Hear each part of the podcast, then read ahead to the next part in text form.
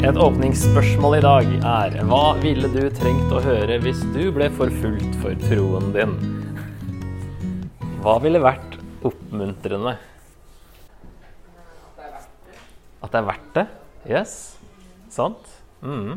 For det første, det er en ting vi snakker lite om, er jo eh, vi blitt, Jeg syns vi har litt for mye fokus her, da. Eh, fordi vi kanskje har blitt litt skremt av den boka og sånne ting. Men, men eh, vi snakker om Jesus skal komme tilbake én dag. Noen har snakka litt vel mye om det, da. I noen kretser. Mens andre trenger nesten ikke på det. Og da blir liksom det meste av fokuset på livet her. Det er jo Altså, man skal jo ha det òg, men Men eh, man må jo vite litt hvorfor man skal tro også. Ikke bare for å få et bedre liv her. Your best life now. Det er ikke det det handler om. Men selv om eh, altså, Vi skal ikke forvente det, at livet blir best her.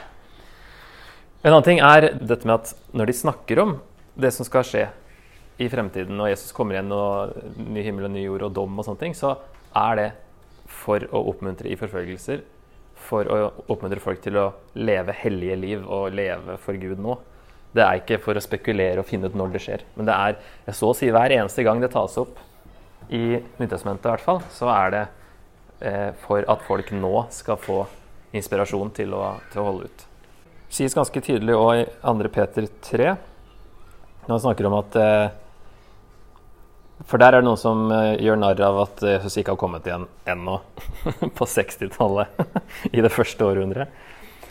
Så sier han at eh, eh, må ikke glemme at for Herren er én dag som tusen år, og tusen år som én dag. Herren er ikke sen med å oppfylle sitt løfte, som noen mener. Nei, han er tålmodig med dere, for han vil ikke at noen skal gå fortapt, men at alle skal nå fram til omvendelse. Men Herren skal komme som en tyv, og da skal himmelen forgå med rungende drønn, elementene skal komme i brann og bli fortært, jorden og alle gjerninger som er gjort på jorden, skal komme fram i lyset. Det er det kosmiske uh, verdens undergang, da.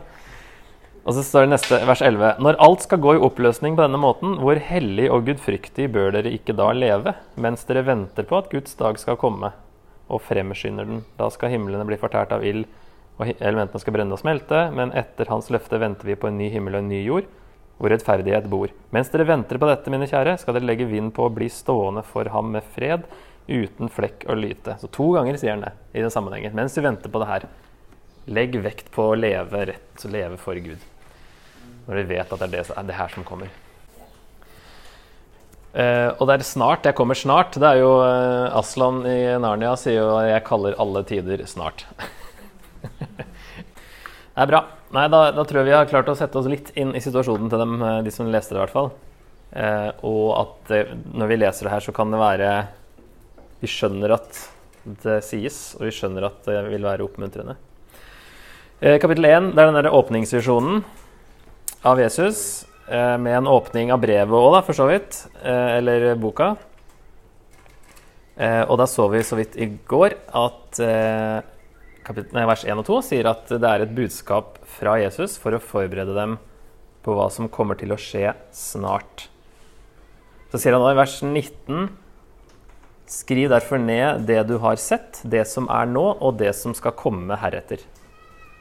Så han skal skrive ned både det som er nå, hvordan ting er nå, og hva som kommer til å skje. Og så har han en ganske vanlig brevåpning, som vi også så på.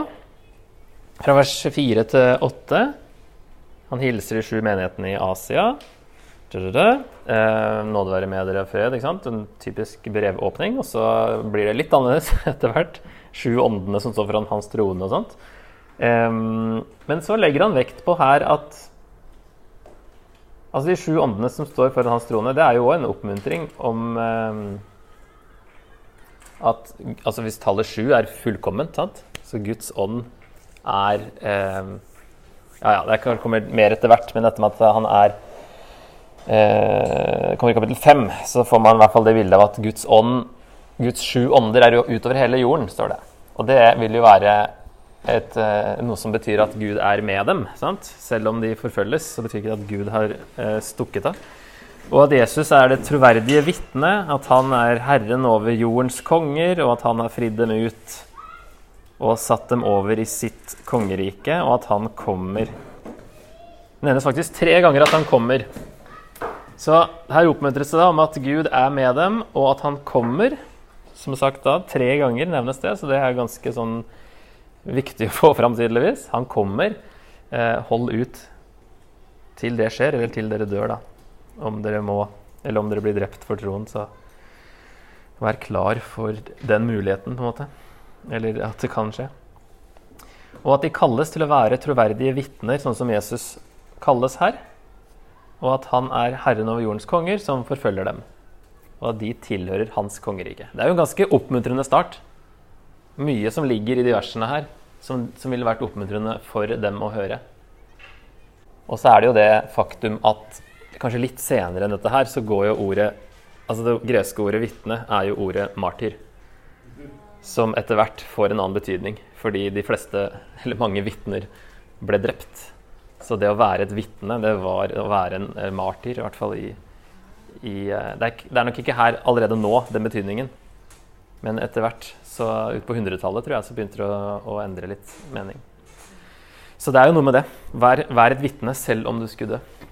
Jesus var det. Han var et trofaste vitne. Han døde, men han seira ved å dø. Og det kalles leserne også til å, å følge ham i. Noen GT-referanser her da, når han, når han, ser Jesus fra vers 9. Er det noen som, eh, som, kjente igjen noe? En som var lik en menneskesønn. Hvor er den fra? Daniel 7. Mm.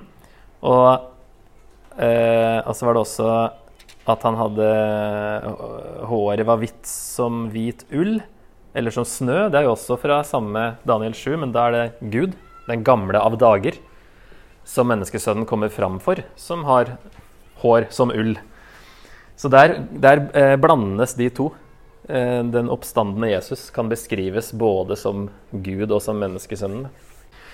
Men eh, også den himmelske skikkelsen som Daniel ser i Daniel 10. Der er det også noen, eh, dette med fotsid, kjortel og belte gull, belte av gull om brystet i vers 13. Den er vel fra Daniel 10, tror jeg. Øynene som flammende ild. Um, ser også ut til å være derfra. Eller fra Daniel et sted, i hvert fall. I fotnotene her. Føttene som bronse glødet i en ovn, den også. Og så, når han snakker Røsten var som bruset av veldige vannmasser. Det er et par ganger i Esekiel, når han har visjoner av Guds tempel og Guds trone, så er det det bruset som av masse fosser. når Gud snakker. Og det er når Jesus snakker her òg, så er det Bare prøv å høre den lyden, liksom. En stemme av masse vann.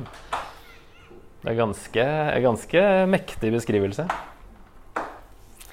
Så hovedpoenget med den beskrivelsen her, da, er jo at han har nøklene til dødsriket, sier han også, i vers 18.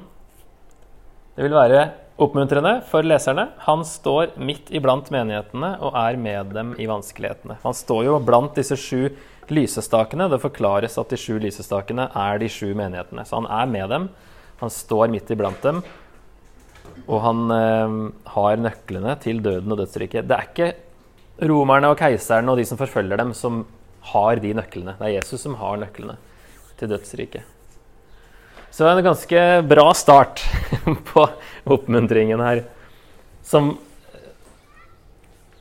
Jeg vet ikke om vi har blitt oppmuntra av det før. Vi har kanskje blitt mer sånn impressed og føler bare wow, sånn har ikke Jesus blitt eh, beskrevet så ofte. Men eh, det er jo et poeng med det. Ja, og så er Det jo at, det nevnes jo at uh, han som var, og som er, og som kommer, i vers 4. Og så står det også at uh, i vers 8.: Jeg er alfa og omega, sier Herren Gud, Han som er og som var og som kommer, den allmektige. Og så sier Jesus i vers uh, 17.: Jeg er den første og den siste. Så første og den siste, alfa og omega, begynnelsen og enden, det er jo parallelle uttrykk som Gud bruker om seg sjøl i GT, og som Jesus òg bruker om seg sjøl i denne boka her. Så han er eh, Jesus er veldig guddommelig her. De har jo én trone, bare. Gud og lammets trone, står det. De er jo på samme trone. Så her er det liten tvil om at Jesus er eh, Gud da, i denne boka. Selv om de beskrives på en måte som to personer, så er han på den tronen, og han beskrives med Guds eh, egenskaper. Liten oversikt jeg fant eh, over hvor disse menighetene befinner seg. Da. Så ser du at det er i, i Vest-Tyrkia, i samme område. Sånn at eh, det ville være eh, Jeg tror den rekkefølgen de står i òg Efesus, Smyrna, Pergamon Ja, hvis du går fra Efesus og så helt opp til Pergamon, og så går du ned igjen. Er ikke det? Tiatyra, Sardis, Philadelphia, Laudikea. Så det ville vært en sånn rundtur der de kommer på rekke, sånn som de står i, i boka her. Så en eh, person kunne lett ha hatt med seg disse brevene til å eh, lese dem opp da, for eh, de forskjellige. Så i samme område står jo i de som er i Asia, så det er jo da det området der, provinsen Asia. Så de brevene her, kapittel 2 og 3, eh, de er jo veldig konkrete og reflekterer byens geografiske, kulturelle og religiøse situasjon. I tillegg til menighetens situasjon. Alle de byene her hadde en romersk domstol hvor kristne hadde blitt, eller kunne bli, anklaget. Og i alle fall de tre første hadde keisertempler. Og hvordan Jesus beskriver seg selv i hvert brev har en teologisk hensikt. Det henger sammen med budskapet. Og det tas fra kapittel 1, den beskrivelsen i kapittel 1. Så er det noe som hentes der i hvert av de sju brevene, og som har en hensikt for akkurat den menigheten. Så det, det at han beskrives sånn i kapittel 1, har jo allerede en hensikt for de sju menighetene. Altså plukkes det ut og fordeles på en måte til de sju, da. For det meste egenskaper som er relevant for menigheten, ja. Men noen, noen er mer tydeligere enn andre, da. Og så er det alltid løfter til den som seirer, og det peker jo helt fram til de to siste kapitlene. Ting som eh, dukker opp igjen der, og som på en måte ja, er et Uansett et, eh, et frampek til det som skal skje der. Og Et nøkkelord i boka det er ordet 'seire'. Og det betyr å beholde troen uansett hva som kommer. Da seirer du. Og det, ordet 'seire' ble på en måte redefinert da Jesus seiret ved å dø. Det er jo ikke akkurat det man vanligvis tenker på som å seire. Det er ikke sånn dyret seirer, når han plutselig seirer over, over de hellige en periode. Og vinner. Også i Daniel så er det jo sånn. Men den som seirer, den kan Det kan hende han dør, men hvis han beholder troen, så har han seiret. Og så er det noen vranglærere som nevnes i brevene her. Det er noen falske apostler, det er noen som heter nikolaitene, det er noen falske jøder, og det er Biliams lære, og det er Jesabel. Så det er jo ikke de som har Det er ikke Jesabel som har gjenoppstått fra kongebøkene, men det er en eller annen, et eller annet som uh, i samme gate som det hun drev med. Så her uh, generelt for alle uh, brevene, da. Det er jo samme strukturen på dem. Eh, Pergamon tenkte vi kunne se litt på. Det ser fint ut der. så det er den tredje. da, Efesus og Smyrna først, og så Pergamon. Um, dette sier han som har det skarpe, tveeggede sverd. Det er det som kommer ut av munnen, som det står i vers 16. Jeg vet hvor du bor, der hvor Satan har sin trone. Likevel holder du fast ved mitt navn, og du har ikke fornektet troen på meg, ikke engang i de dager da Antipas, mitt trofaste vitne, ble slått i hjel i byen deres, der Satan bor. Men noe har jeg mot deg. Du har hos deg som, noen som holder seg til Bileams lære, han som lærte Balak å sette en felle for israelsfolket, så de spiste avgudsoffer og drev hor. Så har du også noen hos deg av samme slag, de som holder seg til nikolaitenes lære. Vend om, ellers kommer jeg snart til deg og vil kjempe mot dem med sverdet som går ut av min munn. Den som har ører, hør hva Ånden sier til menighetene. Den som seirer, vil jeg gi av den skjulte manna. Jeg vil gi ham en hvit stein, og på steinen er det skrevet et nytt navn som ingen kjenner, uten den som får det. Nå er det som sagt mye bilder her. Det er ikke, det er ikke det sagt at alle får konkret den steinen. Men at det er en åndelig sannhet, da, kanskje heller bak. Ja, så her har vi, i hvert fall ifølge Ireneus, da, som vi var innom i går, som uh, levde i det andre århundret, han sier at uh, nikolaitene hadde en livsstil som lignet på gnostikerne, ved at de da tenkte de var fri til å synde fordi det var så stort skille mellom ånd og kropp. At uh, det åndelige kunne ikke påvirkes av det kroppslige og sånne ting.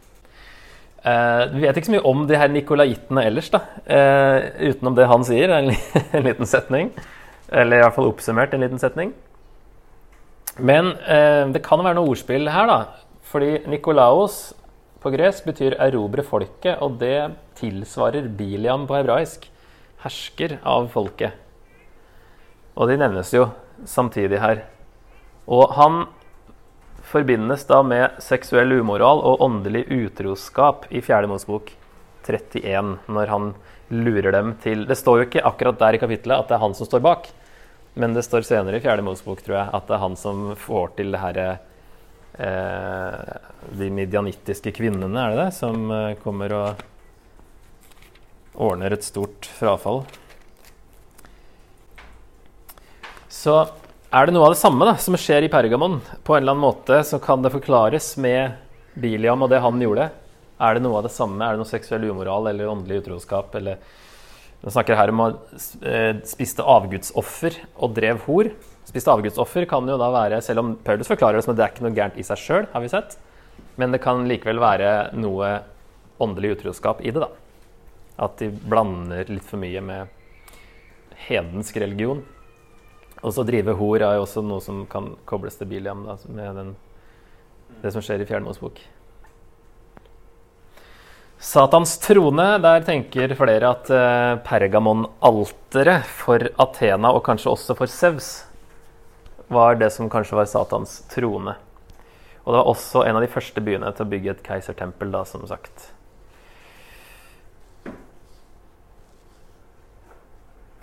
Og Pergamon-alteret har jo blitt rekonstruert i dette Pergamon-museet i Berlin.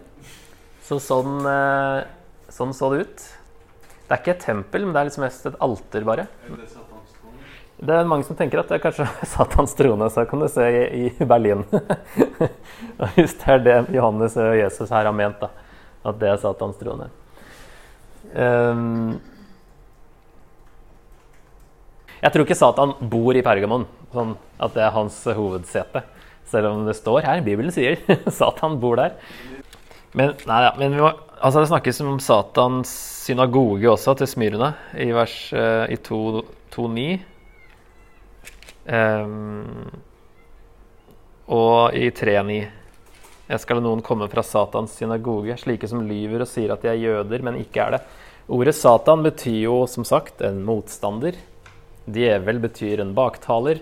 Så det kan kobles til eh, at Satan er kan, si, på en måte ekstra sterk i disse byene fordi muligens det var altså han, Keiseren han Domitian hadde visstnok noen informanter i synagogene også, som ville da anklage de kristne, som vi så på brevet fra han Plini også. At det ble satt opp en signert, uh, usignert plakat som, uh, som anklaga kristne ved navn. Så det skjedde noe sånn informasjon, informanter som anga kristne. Og det kan jo være da Satans synagoge. altså Her er det en synagoge der, der du blir angitt. Eh, og også her Satans trone, om det er noe ja, enten noe med dette alteret eller, eller noe med noe anklaging, anklaging og sterk motstand. da. Vi kikker litt på Sardes uh, før vi tar en pause, for da kan vi bare se litt uh, Eller ja, det spørs, da. Vi får kanskje ta en pause midt i. Um, kapittel 3, 1 til 6. Dette sier han som har de sju Guds ånder og de sju stjerner. Jeg vet om dine gjerninger. Det heter om deg at du lever, men du er død. Våkne opp og styrk det som er igjen, og som holder på å dø. For jeg har funnet at dine gjerninger ikke holder mål i min Guds øyne. Husk derfor hva du tok imot og hørte. Hold fast på det og vend om. For hvis du ikke våkner, skal jeg komme som en tyv og du skal ikke vite timen når jeg kommer over deg. Men du har noen få i Sardes som ikke har skitnet til klærne sine. De skal gå med meg i hvite klær, for de er verdige til det. Den som seirer, skal bli kledd i hvitt, og jeg vil aldri stryke navnet hans ut av livets bok, men kjennes ved navnet hans for min far og hans engler. Den som har ører, hør hva Ånden sier til menighetene. Så Eh, bakgrunnen for Sardes er at den var kjent for kunst og håndverk, for bleking og farging av klær. Så her er liksom veldig konkrete Jesus nevner som byen er kjent for. Altså dette med klær, og Han snakker mye om hvite klær. da. Skitne til klærne og sånt. To ganger i historien hadde byen blitt invadert av en fiende om natten. Også mange andre byer i Romerriket hadde den et register av alle innbyggerne. Så lenge en person var i live, var navnet ditt i denne boka, og det ble strøket ut når man døde. Å få navnet sitt strøket ville bety å miste borgerskapet. Ok, Noen raske observasjoner. Hva er problemene i menigheten? Ut fra de, det vi akkurat leste, og da er det observasjon. Et problem er at uh, det virker som de lever, men de er døde og holder på å dø. De vet hva Gud ønsker de skal gjøre, og så bare går de rett imot det. Ja, Så de har skitna til klærne sine. Jeg har jo et bilde på det, da.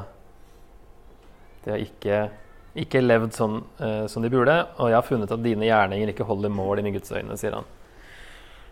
Ok, Så hva blir de bedt om å gjøre? Vend om. Venn om, og husk det. Husk det du, Husk det du hørte, og venn om. Våkne opp også, så er det Våkne opp. Mm. Ja, og styrk. Mm. Styrk, husk, våkne opp. Bra. Mm.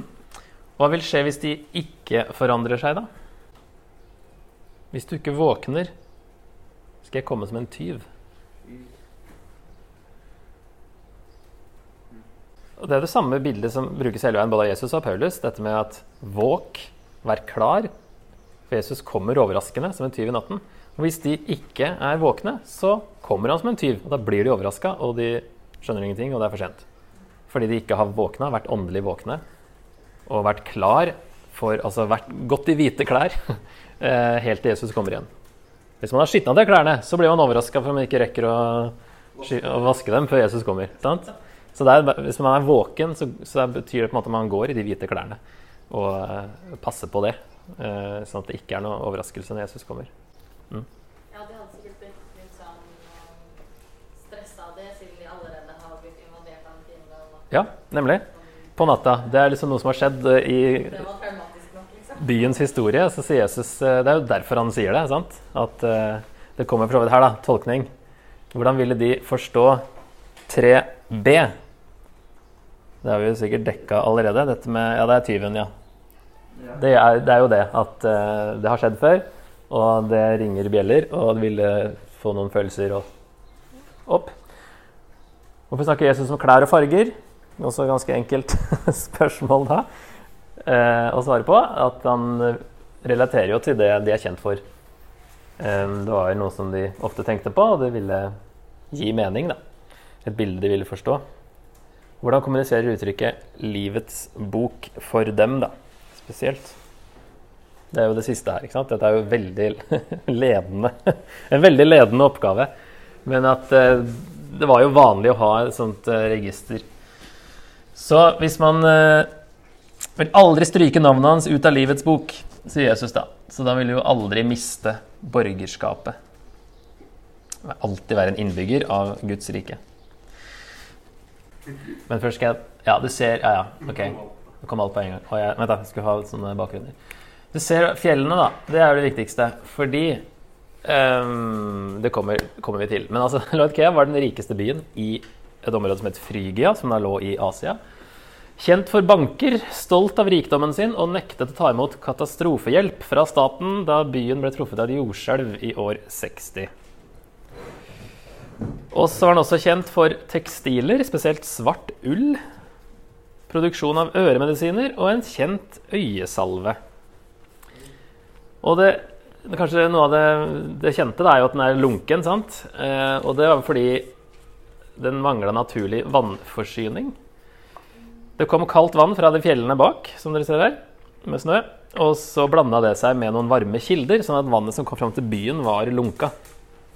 Og kunne liksom ikke brukes til verken å drikke eller til å vaske så mye, hvis det var lunkent. da.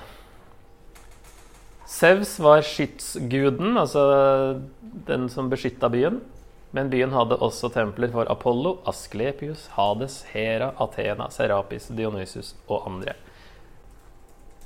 Skal vi, hvis vi leser denne teksten her, da, i lys av dette her Dette, er dette sier han som er Amen, det trofaste og sannferdige vitne, opphavet til alt som Gud har skapt.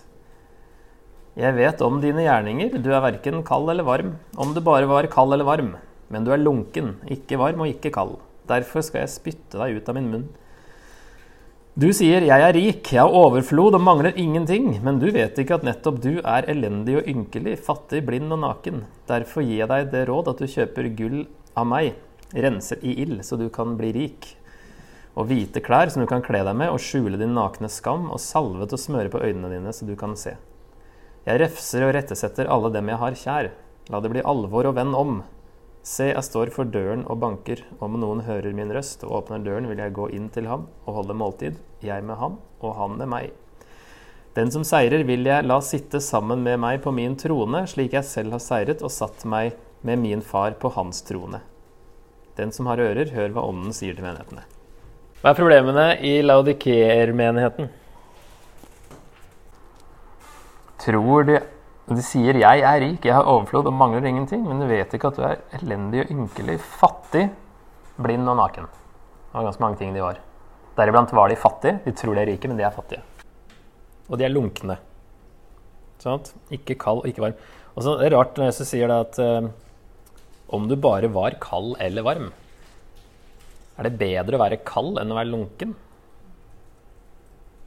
Jeg har tenkt om det har også noe med retningen du går, da. Det jo, altså Hvis du går fra kald til varm, så går du jo via lunken på et eller annet tidspunkt. Men da går du liksom i riktig retning. Hvis du har gått fra å være varm til å være lunken, så sier Jesus her at det er bedre egentlig å være kald enn å være den derre som er på vei vekk, og som er halvveis innafor, halvveis utafor. Eller har en sånn kompromisslivsstil, eller hva det nå ligger bak. Fordi lunka, Er du lunka, så vil Jesus spytte, deg ut, sier han. Altså, du er ikke innafor, selv om du tror det når du er lunka. Du er egentlig kald.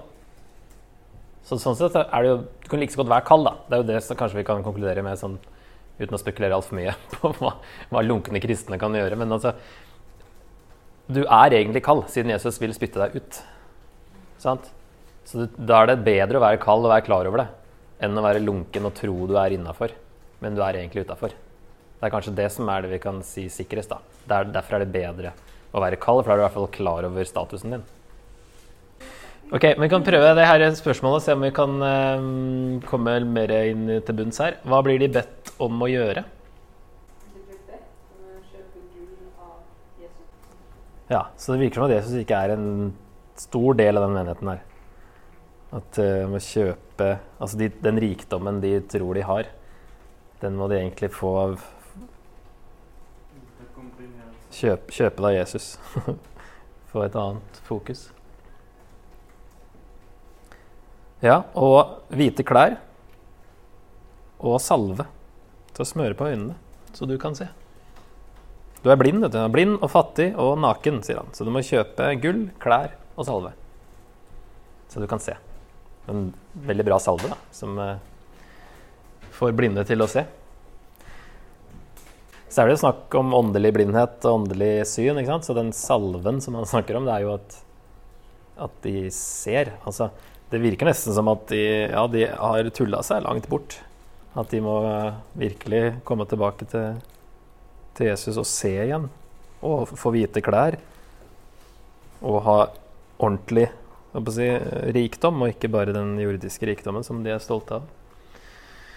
Hvordan kunne de relatere til vers 15 og 16, da, som eh, var dette her med Ja, det har vi jo sagt, egentlig. Med kald og varm og lunken. Det var jo vannforsyninga. Hvilken holdning refererer Jesus til i vers 17? Ja, du sier 'jeg er rik, jeg er overflod, det mangler ingenting'. Kan jo være den herre Blant annet det at de, ja, de er stolte generelt, men også at de ikke ville ha eh, Altså de hadde ja, banker, ikke sant. eh, Var en sånn økonomisk sentrum. Og mente de klarte seg sjøl også etter det jordskjelvet. Så de har en litt sånn økonomisk stolthet som Jesus så pirker borti her, da. Og i vers 18, det så vi også på, kjøpe gull og ild og Nei, rense ut i ild, hvite klær og, og salve, så er jo det Vi har sett at de har både hadde noe klesproduksjon og en øyesalve som de var kjent for. Som Jesus sier at eh, 'jeg har en som er enda bedre'. som dere trenger for å faktisk se. Eh, jeg hadde egentlig et spørsmål her òg, men det har vi jo kanskje vært eh, litt innom. Er det noe i kapittel 2-3 som du synes passer på dagens menigheter? Er det noe som, kan, som noen, noen i dag òg trenger å høre for å vekkes opp?